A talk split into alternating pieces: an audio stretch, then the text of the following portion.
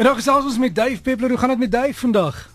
Dit gaan met Dave nog as koud. Ek sit met 'n klein kapoetsie op my kop. Ek ry met handskoene met my fiets. Dis vreeslik koud in die Kaap. Ja, ons, ons kry ook so 'n windjie hier by hom hier in Gauteng, so die koue is op pad hoor, Dave. Ja, nee, mag dit bly en mag die reën daarmee saam bly. Ja, ons, ons dit bitter bitter nodig. Ons ons hoop vir julle so duif.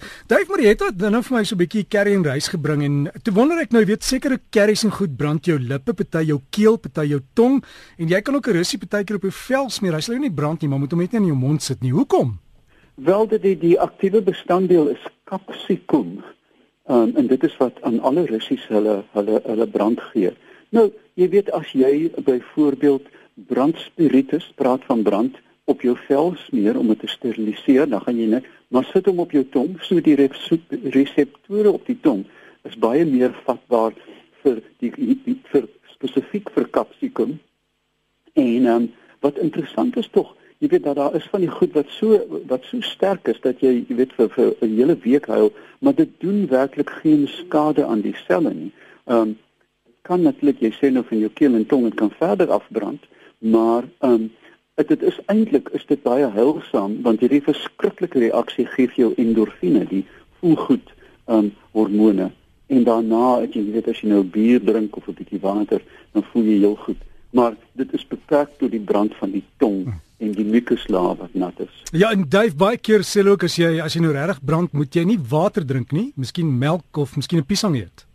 Ja, kyk dit gaan verby wat jy ook al doen. Ehm um, die ding is jy moet net maar soos 'n hoender op 'n warm tak of 'n warm hoender op 'n tak sit en hyg tot dit verbygaan. Maar ek was onlangs in Engeland en daar is die die baie bekende hoender Vindaloo. Ehm um, en die die kok het vir my gesê maar jy moet nou versigtig wees sê te hel daarmee kom ons eet dit. Ek het dit netlik onblikklik berou. Jy weet want ek het ek het sit in gil soos 'n uh, jy weet 'n tiener. Maar nou ja, naderhand raak mense ook alles gewoond.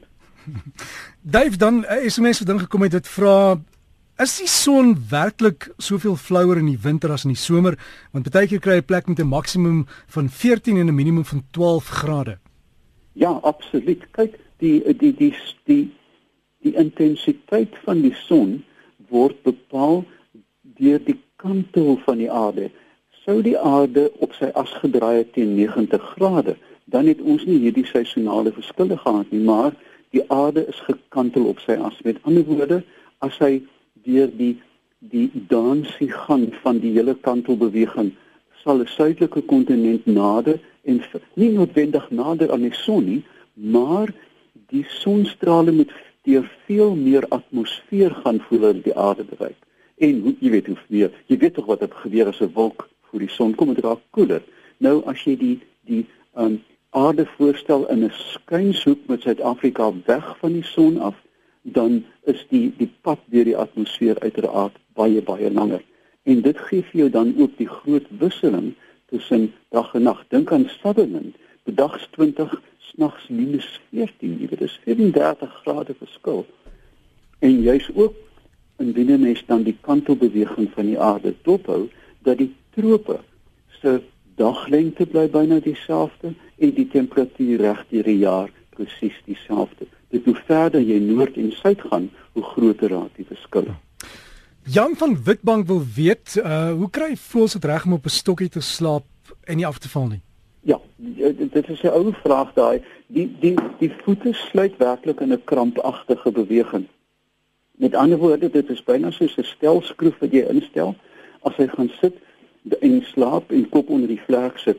Mens moet ook onthou dat meeste voëls slaap nie vasreg nie, hulle slaap in baie kort uh, stukkies. Die mees ekstreme voorbeeld daarvan is die albatros wat letterlik slaap terwyl hulle vlieg en ook die noordelike windswaals dat hulle vir 'n hele seisoen uh, in die lug bly dag en nag en net eintlik grond toe kom as hulle kom nes maak en kleintjies grootmaak.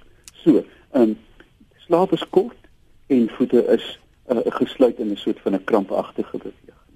En dan Dave, ek het in die week 'n verslag gelees oor hoendereiers. Dit het mense gefassineer. Hoekom het sekere voëls se eiers 'n skerper punt as ander eiers wat meer rond is? Weet jy? Ah. Ja. Vertel. Die oorsaak daarvan is eintlik evolusionêr in die sin dat indien jy op 'n baie flou en kan dit die Afrikaanse woord poeperagenessie 'n eier moet maak lê, dan help dit nie die eier is rond nie dan dan rol hy af. Met ander woorde, stel jy voor 'n duifnes wat gewoonlik 'n baie slordige nes het, het 'n sterk gepunte eier want in die in die beweging van die wind sal die eier nie rol nie, maar eintlik net om sy eie as draai. As jy dan um eiers het wat in boomholtes gelê word, is hulle gewoonlik byna koel rond. En dink aan aan 'n waterskilpad eier wat nou nie vlieg nie, uh, of 'n jy weet 'n seeskilpad, is die eiers koel rond want hulle rol glad nie, hulle lê in die sand. So dit het te doen met die tipe nes uh, en hoe die voël waar hulle nes maak. Met ander woorde, hoe meer onstabiel die nes, as jy dink aan roofvoëls wat op klippe groot maak, um, veral die seevoëls, né, wat op op klein lysies is die eiers sterk gepunt dat hulle nie kan rondrol nie. Hmm. Ja, Dave en, en ek sien hulle hulle verwys ook hier na hoe meer aerodinamies 'n voël is, hoe skerper gaan die punt van die van die eiers ook wees. Hulle hulle reken dit het ook iets daarmee te doen. Sê net gou weer die die klank het effens verdwyn. Uh, Dave wil sê as jy weet voëls wat wat baie aerodinamies gebou is. Ja. Hulle hulle eiers gaan ook meer gepunt wees. Nee, ek dink so, ek weet nie daai. Ja. Um uh ek kan my nie inderdaad dink nie as jy dink aan windswaals wat van die vinnigste voëls op aarde is. Mm -hmm Ehm um, en hulle eiers is nie so sterk gepunt nie. Ja, koel rond amper, né? Ja, nee wat? Nee nee, ek ek kyk ek dink dit is 'n mens dink omdat die voël 'n lang bek het wag, dat ons dit nou nie reduseer na mense toe. ja, Dave. Hoor Dave, hoekom groei mense se ore as hulle oud word? Man, jy weet ek is gebore soos 'n soos dat wat is daai olifantjie wat so gevlieg het, Dumbo. Onthou jy vir Dumbo? Nee, jy's te jonk. Jumbo, Dumbo, so... Jumbo, so iets, ja. Ja, nee, daar was 'n klein olifantjie met die naam van Dumbo wat met sy ore gevlieg het. Nou ek kon vlieg toe ek klein was, my ore was in elk geval so groot. Ehm um, ek dink heel moontlik dat kyk, as jy ouer word, ehm um, die eerste dit is waar plastiese chirurge natuurlik baie geld maak, is dat jy kry sulke byna sulke wange wat begin afsak, né? Dat die fermheid van die vel ehm um, en sy elastisiteit begin verdwyn.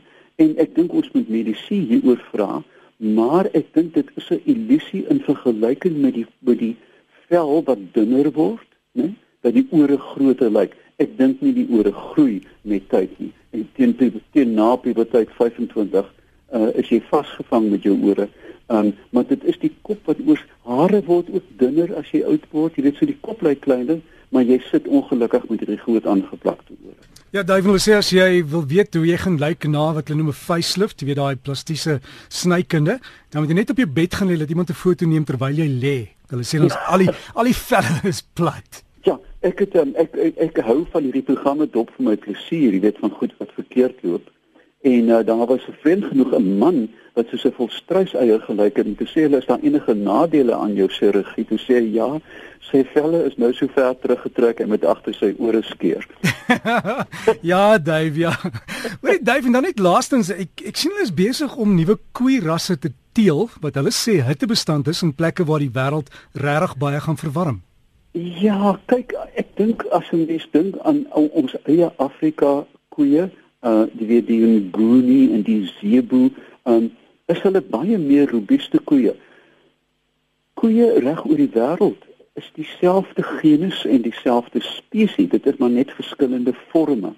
Maar soos 'n mens weet met tuinteeling, lynteeling, kruisteeling, is daar altyd voordele maar ook nadele. Jy kan dalk 'n baie goeie taai koe teen hitte uh, teel, maar gaan sy melkproduksie so hoog wees.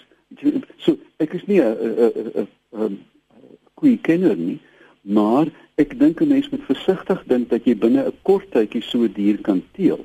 Ehm um, want daar's altyd probleme met wat jy gaan kry maar wat jy ook gaan verloor. So, jy gaan nie jy gaan nie 'n oudheidse Jersey koei teel met 'n Nguni en dan die beste eienskappe van albei kry nie. Ek dink 'n mens moet versigtig wees daarvoor. Ja, daar's baie navorsing en baie jare wat daarin gaan, Dave. Absoluut. Dave, mense wat wil kontak maak, waar kry hulle vir jou?